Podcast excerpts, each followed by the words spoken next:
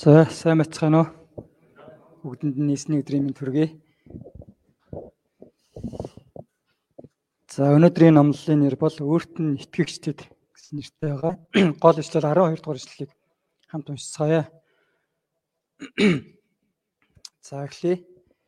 Харин өөрийг нь хүлээн авсан болгонд өөрийнх нь нэрэнд итгэгчдэд тэрээр Бурхны хүүхэд болохыг эрхийг өглөө.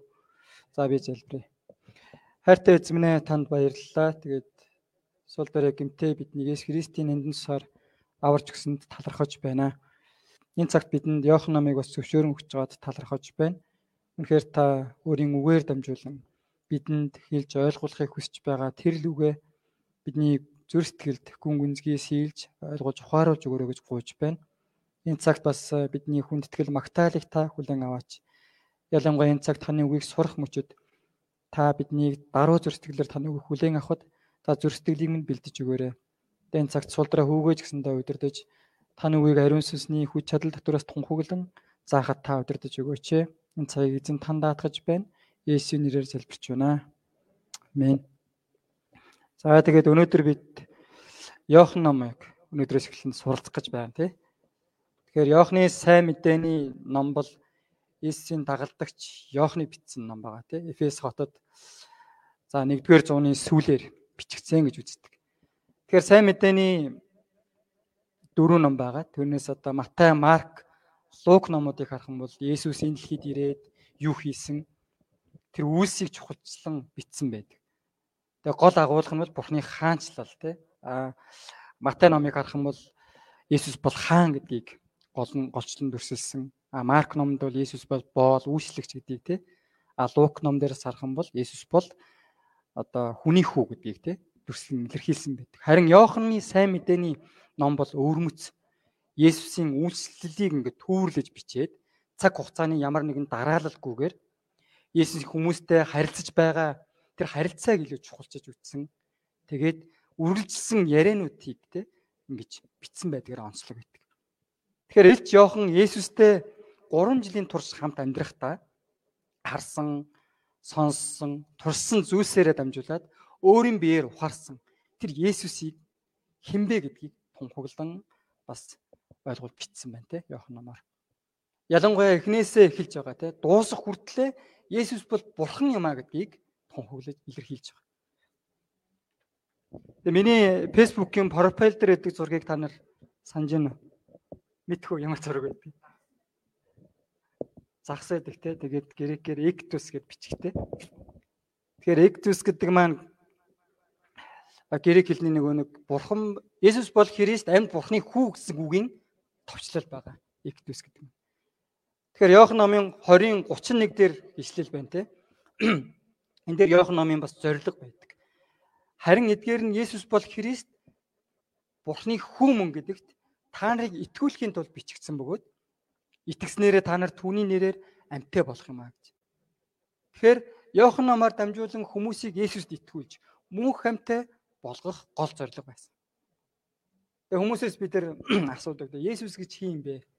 Есүсийн тухай та мэдхүү гэж оюутнуудаа уулзах дээр асуув тий. Тэгээ юу гэж асуудаг вэ? Хариулдаг вэ? Янз бүрээр хариулна тий. Одоо Иесус болоо зөвхөн хүн гэж жишээлний шивжүүлэгч гэж жиж болно. Эсвэл зарим нь зүгээр одоо юу гэдэг еврей те. Бурхан гэж юу н хариулах нь ховор байдаг те. Мэдээж Есүст итгэхийн тулд түүнийг хэн болох, түүнийг юу хийсэн гэдгийг нь мэдэх нь чухал байдаг.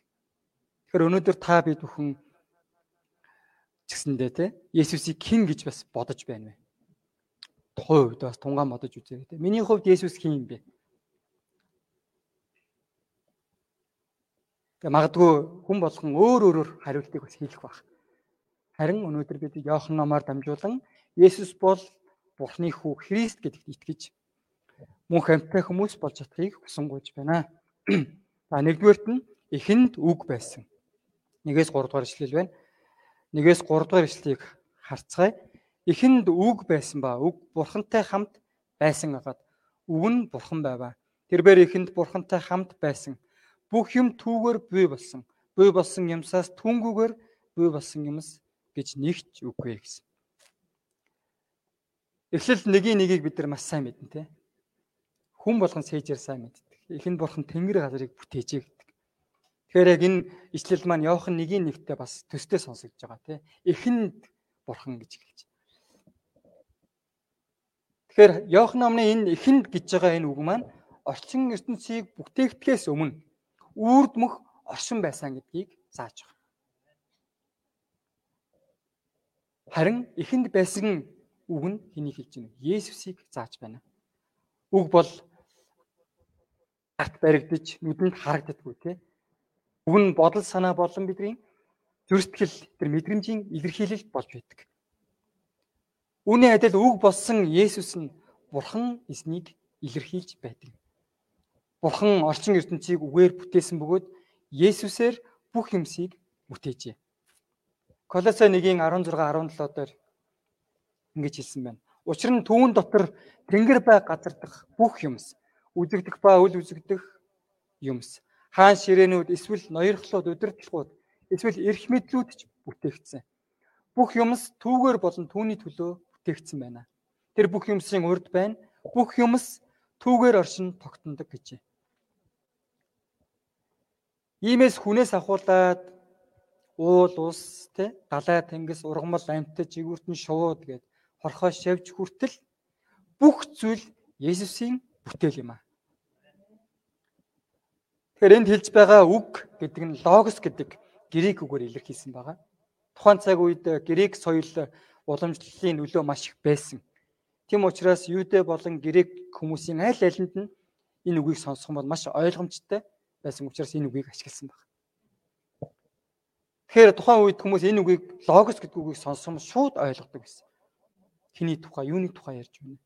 Грек хэлэнд логос гэдэг маань үг, шалтгаан, мэдлэг, ухаан гэдэг зүйлийг логос гэдэг үгээр илэрхийлдэг юм байна. Тэгэхээр сургаалт өгс 3-ын 19 дугаар эшлэлээр ингэсэн байна. Мэргэн ухаанаар газрыг эзэн суйрлуулж, мэдлэг ухаанаар тэнгэрсийг тогтоожээ гэсэн. Тэгэхээр бурханы мэрэгэн ухаан ба бурханы үг болох Есүсээр орчин ертөнц бүтээгцээ гэдгийг хэлж Мөн логос гэдгийг хууль нэгтгэгч буюу үүсэн буй болох өөрчлөлтийн үндсэн хөдөлгөгч хүчээ гэж бас ойлгож байсан байна. Грекийн одоо эртний философч Гераклит гэж сонсч байсан үү те?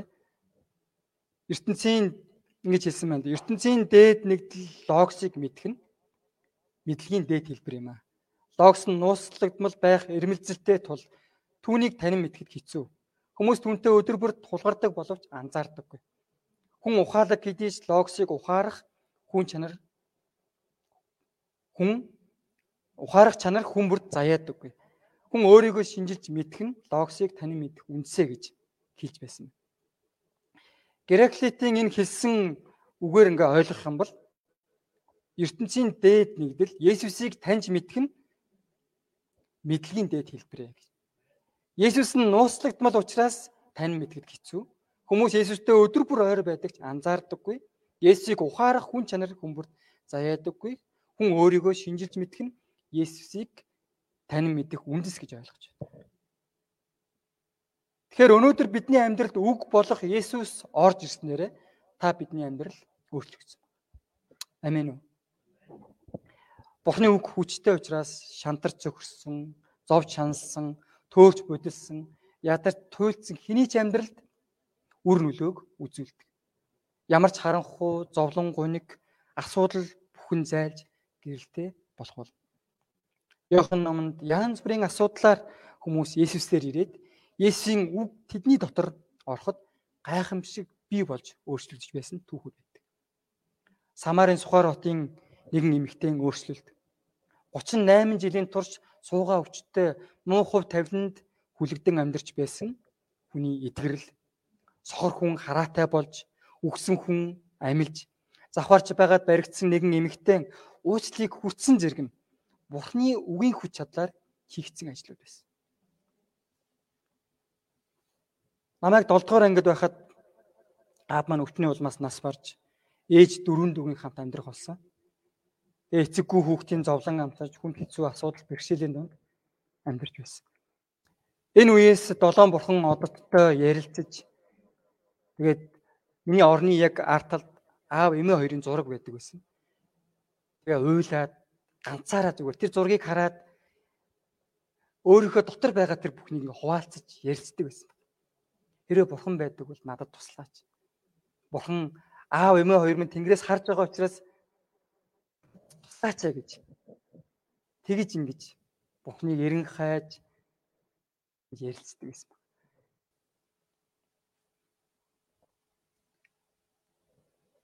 Хүнд бэрх амьдралын донд хүүхдүүдээ өсгөх гэж зовж байгаа ээжигээ бодон зовоохгүй гэсэндээ ээждээ төвөг болохгүй гэж хичээдэг байсан ч миний хувьд маш ганцаардмал баяр хөөргөө уйтгар гуниг болон үргэлж санаа зовроор зовроор дүүрэн амьдралаар амьдарч байсан.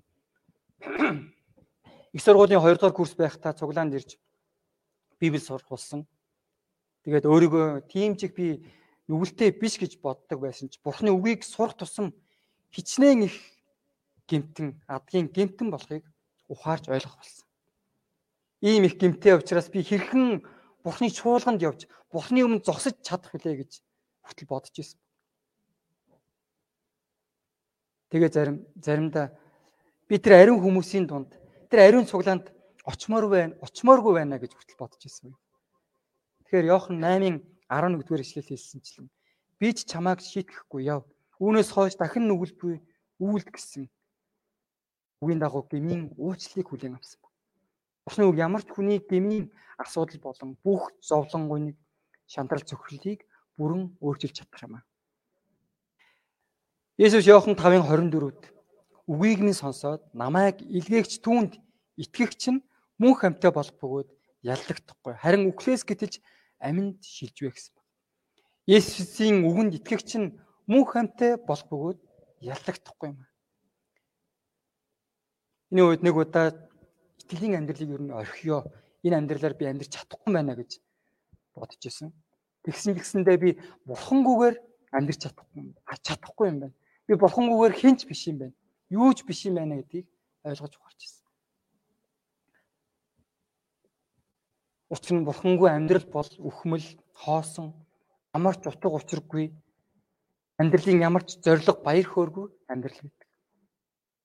Дэлхийн бүх хүн бүх амьтан амьсгалахгүйгээр амьд байж чадахгүй.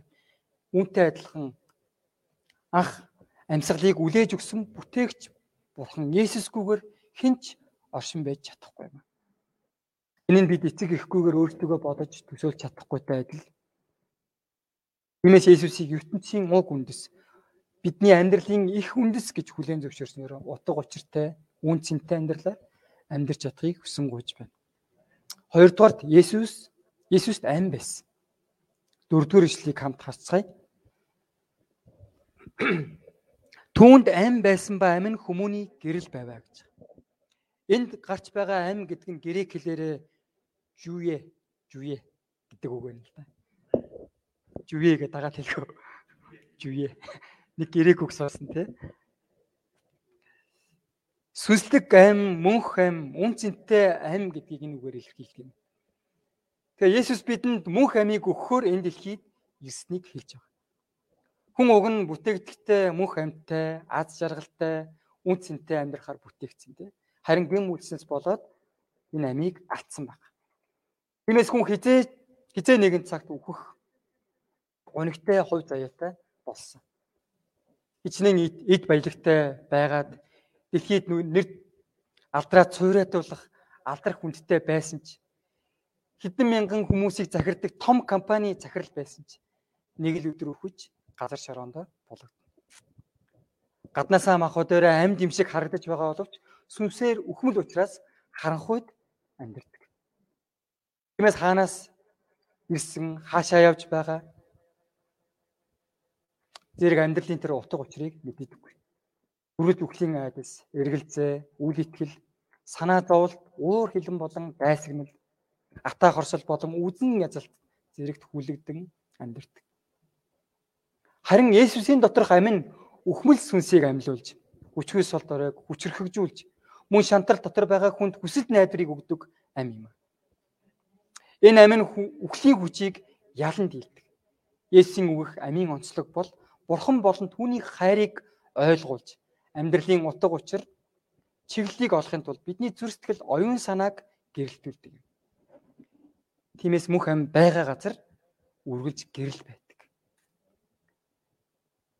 Бид Христээр дамжуулан амийг хүлээн авах тамун түүний гэрлийг ч гэсэндээ бас хүлээн авдаг. Есүсээс амийг авсан хүн нь тэр жинхэнэ баяр хөөр болон ад жаргалдаар дүүрэн гэрэл гэгээр гэгээтэй амьдралаар амьдарч чаддаг юм аа. Есүсийн өгдөг амин түүнээс өөр хэн ч өгч чадахгүй. Дуурайж чадахгүй тийм нандин зүйл.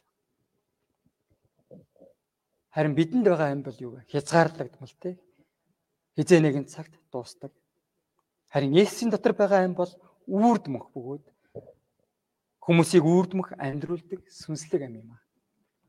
Йохан 10-ын 10-ын Б дэлхтэй. Би тэднийг амьтай, бэлгсэн амьтай болгохын тулд ирсэн билээ гэсэн баг. Тэгээ сүнслэг ам бол хүний мэс чанарын цаана байдаг үнэхээр юр бусын гайхамшигтай зүйл. Есүсийн үгс төр сүнслэг амийг авсан хүн өдөр болгон шин амьтай болж шин түүхийг бүтээдэг хүмүүс болж чадна. Зүгээр нэг амьдарч байгаад нөгөө ертөнц рүү явдаг утгагүй амьдралаас салж үргэлж тэр байлдан дагуулдаг тий сүнс ба итгэлээр өсөн үр жимс ариунаар төрүүлдэг амьдралаар амьдрах болно. Амен. 3 дугаарт нь жинхэнэ гэрэл Есүс. 5-аас 9 дугаар ишлэл байна. Хамт 5 дугаар ишлэлийг харцгаая. Гэрэл харанхуйг гээгүүлдэг агаад түүнийг харанхуй дийлдэггүй юм а гэсэн. Дийлээгүй юм а гэж. Тэгэхээр энд харанхуй бол сатаны захирдаг ертөнц буюу муу ерин одоо муу ертөнцийг илэрхийлж байна те. Харанхуй мөн мөн чанараараа бол гэрлийг дийлэхгүй. Хизээч энэ хоёр бас хамт оршин байж чадахгүй байна. Тэр гэрэл байгаа газар харанхуй байж чадахгүй. Тэр зөв бурууг ялгаж үннийг ухаан зөв чгийг гэрэл байгаа газар л олж чаддаг. Харанхуйд байгаа хүмүүс нь харанхуйд байгаагаа мэддгүү учраас яадаг. Гэрэлд гарахыг бас хүсдэггүй.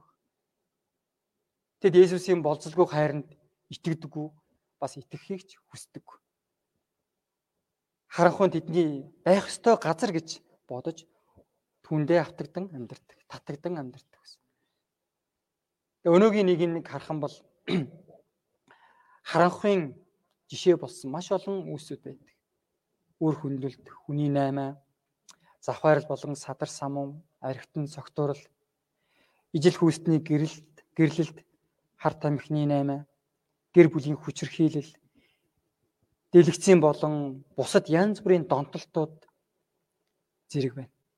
Энэ мэдлэн харанхуйн үсийг дурдаад ивэл маш их байна.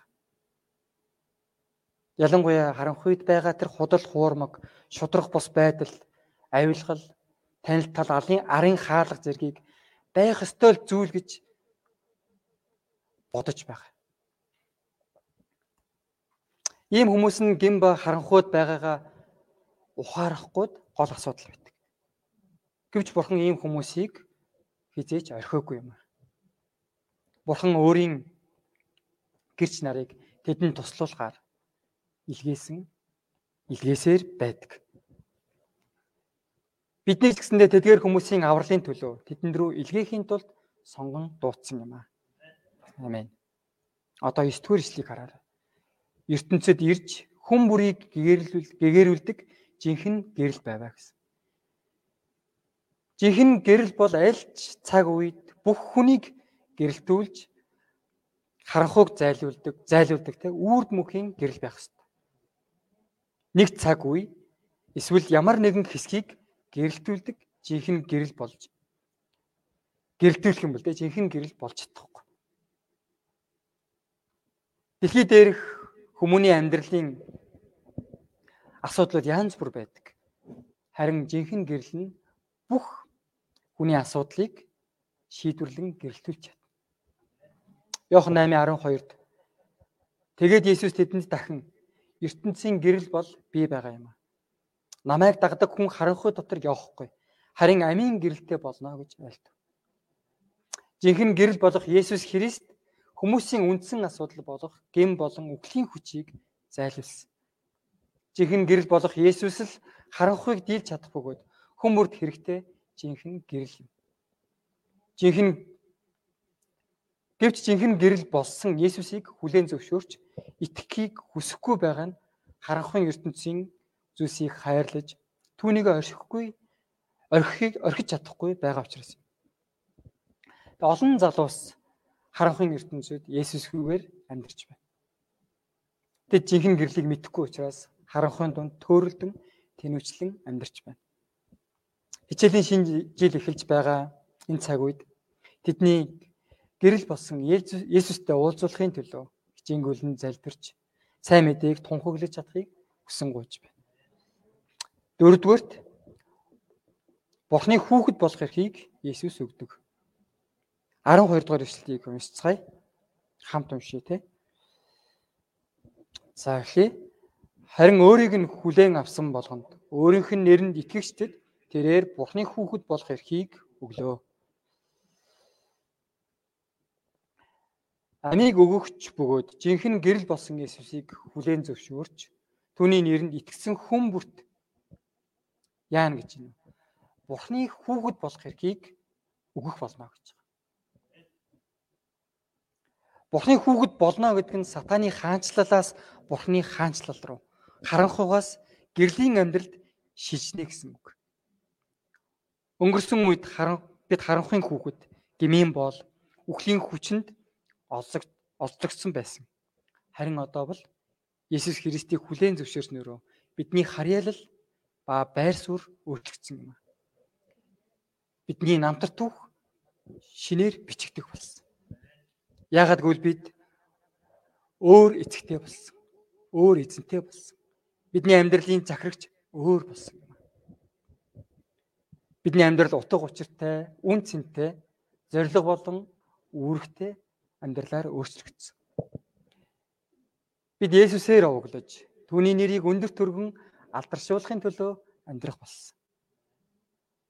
Олон хүн Бурхны авралыг авч түүний хүүхэд болохын тулд махбодын хүсэл болон өөрийн санаа бодлоор янз бүрийн үйлсийг хийсээр байдаг. Буян үйлдэж хүмүүст тусалсан ч ламаар хичнээн ном уншуулж засал хийлгсэн ч өдөр болгон 3 удаа залбирч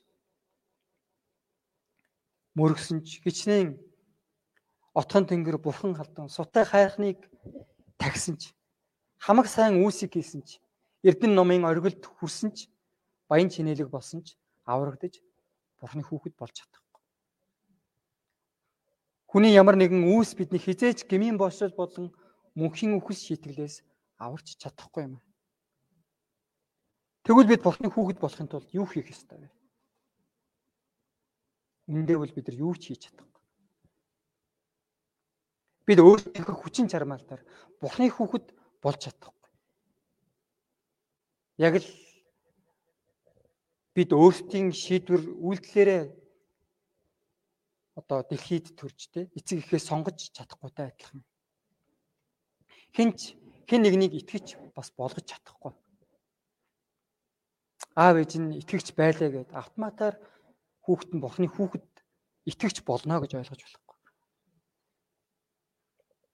Хүүхдээ бид нар альбан хүчээр те одоо итгэгч бас болгож чадахгүй Эсвэл өөрийн хүсэл зориг юм уу, хичээл зүтгэлээр гэр бүл, найз нөхөд, төрөл садан, оюутан залуусыг ч бид нар Бурхны хүүхэд болгож чадахгүй. Ичнэн гүн бат итгэлтэй нөхөр нөхөр нь итгэж биш эхнэрээ. А эсвэл эхнэр нь итгэж биш нөхрөө итгэгч буюу Бурхны хүүхэд болгож бас чадахгүй. Хүмүүс андуурдаг байгаа тий. Болгоцноо гэж андуурдаг. Би чадна гэж андуурдаг. Харин үүнийг зөвхөн бурхан хийдэг юм аа. Бурхан хийдэг.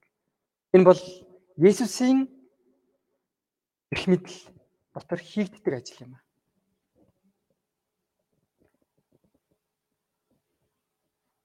Энэ бол гайхамшигтай нууц бөгөөд үнэн. Харин хүний зүгээс зөвхөн Есүсийг хүлээн зөв хүлээн аваад Есүсийн нэрэнд л итгэх ёстой. Есүсийн нэрэнд л итгэх ёстой.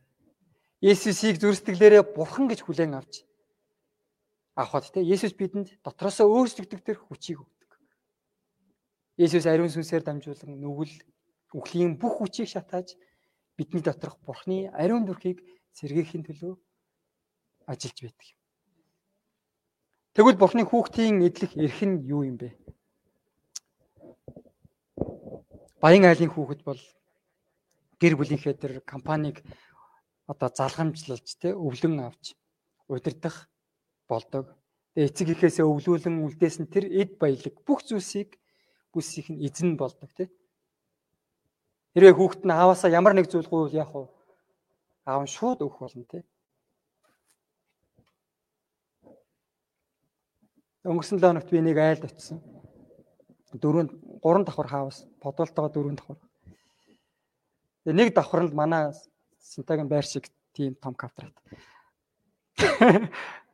Маш том байна тий. Тэгээ би ботсон байхгүй тэр. Энэ айлын хүүхд ямар азтай юм бэ гэж бодсон. Бүх юм бэлэн байна тий. Тэгээ дотроо бол битүүхэндээ атархаж байгаа байхгүй тий. Баян айлын хүүхд болоод төрчихгүй яваа гэж. Олон хүн тэгж боддог тий. Гэхдээ Бид нар баян айлын хүүхэд бол төрөөгүйдээ гунил хэрэггүй. Бурхны хүүхэд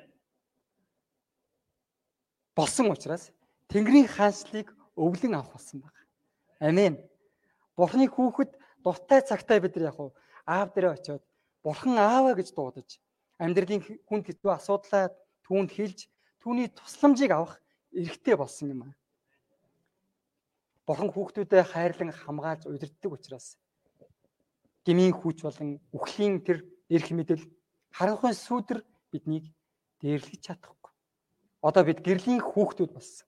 Гэрлийн хүчээр харанхуйг харанхуй дэлхийг гэрэлтүүлдэг гэрлийн илч болсон учраас бидэгт итгэж байна. 5 дугаарт махад болсон үг 14-өөс 18 дугаар эшлэл. За хамт 14 дугаар эшлэлийг уншицгаая. Зааглий. Үг нь махбод болж бидний дунд оршин. Бид түүний алдар сууг үтсэн.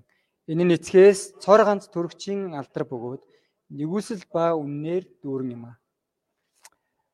Тэгээ тухайн үед гностик үзэл, гностизмын нөлөө маш их байсан байна. Тэгээ энэ нь ямар үзэл вэ гэхээр мах махан бие бол сул дорой, сүнс бол сайн гэсэн тийм үзэл. Тэгэхээр бурхан бузар муу махан биед оршин байж чадахгүй гэж бодож байсан баг. Тэгээд тийм учраас Есүс бол бурхан бишээ гэж үзэж тэгээд Есүсийг үгүйсгэж буруу шааж байсан. Үнэн дээр төгс хүчит хүч чадалтай бүтээгч бурхан махбат махбат болж ирсэн гэдгийг ойлгож хүлээж авна гэдэг бол маш хэцүү байна. Бурхан яаж махан биеийг өмсөж те хүний дүр төрхөөр энэ дэлхийд амьдрах юм бэ?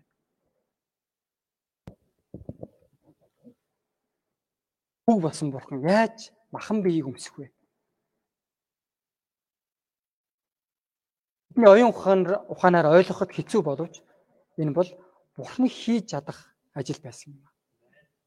Тиймээс бурхан үүнийг хийсэн.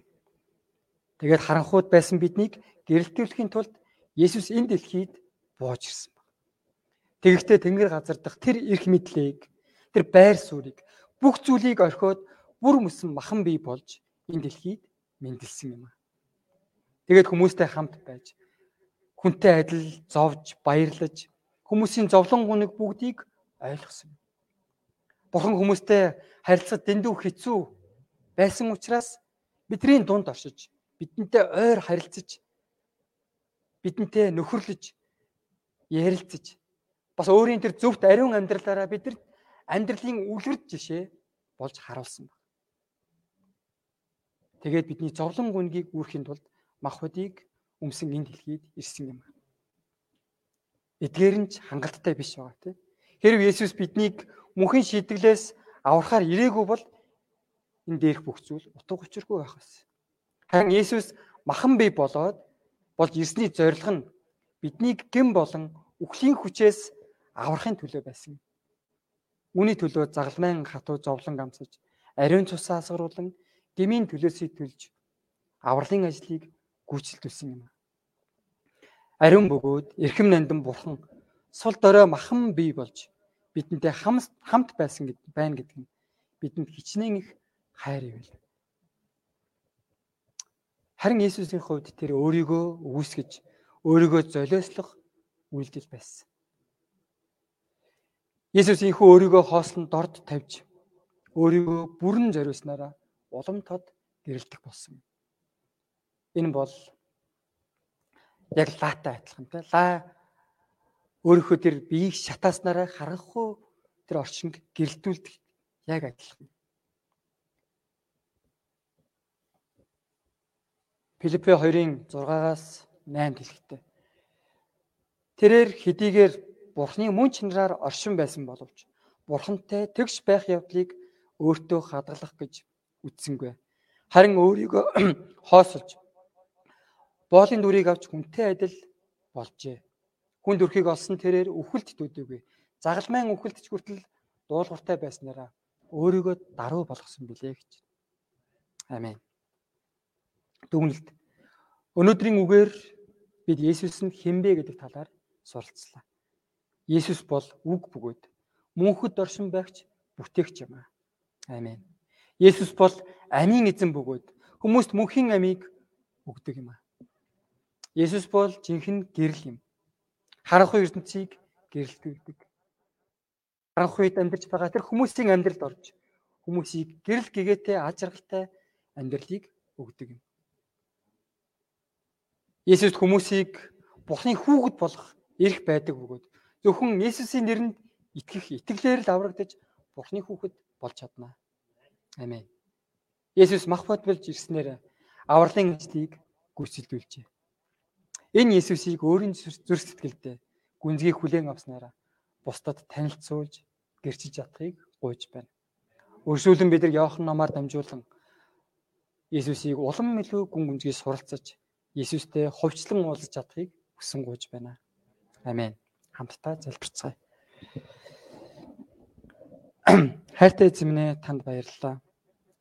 Энэ дэлхийд махбод болж бидний дунд оршин авралын ажлыг гүйцэтгүүлсэн эзэн танд талархаж байна.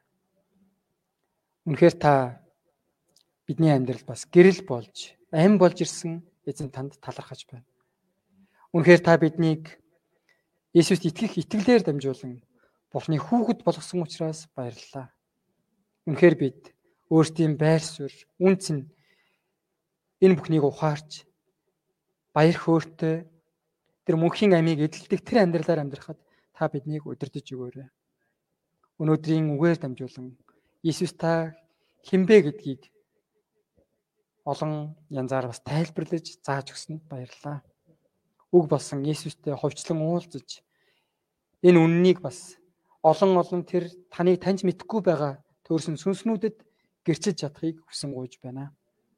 Энэ цагта хамт байж удирсан талархан бүхнийг Есүсийн нэрээр залбирч байна. Амен.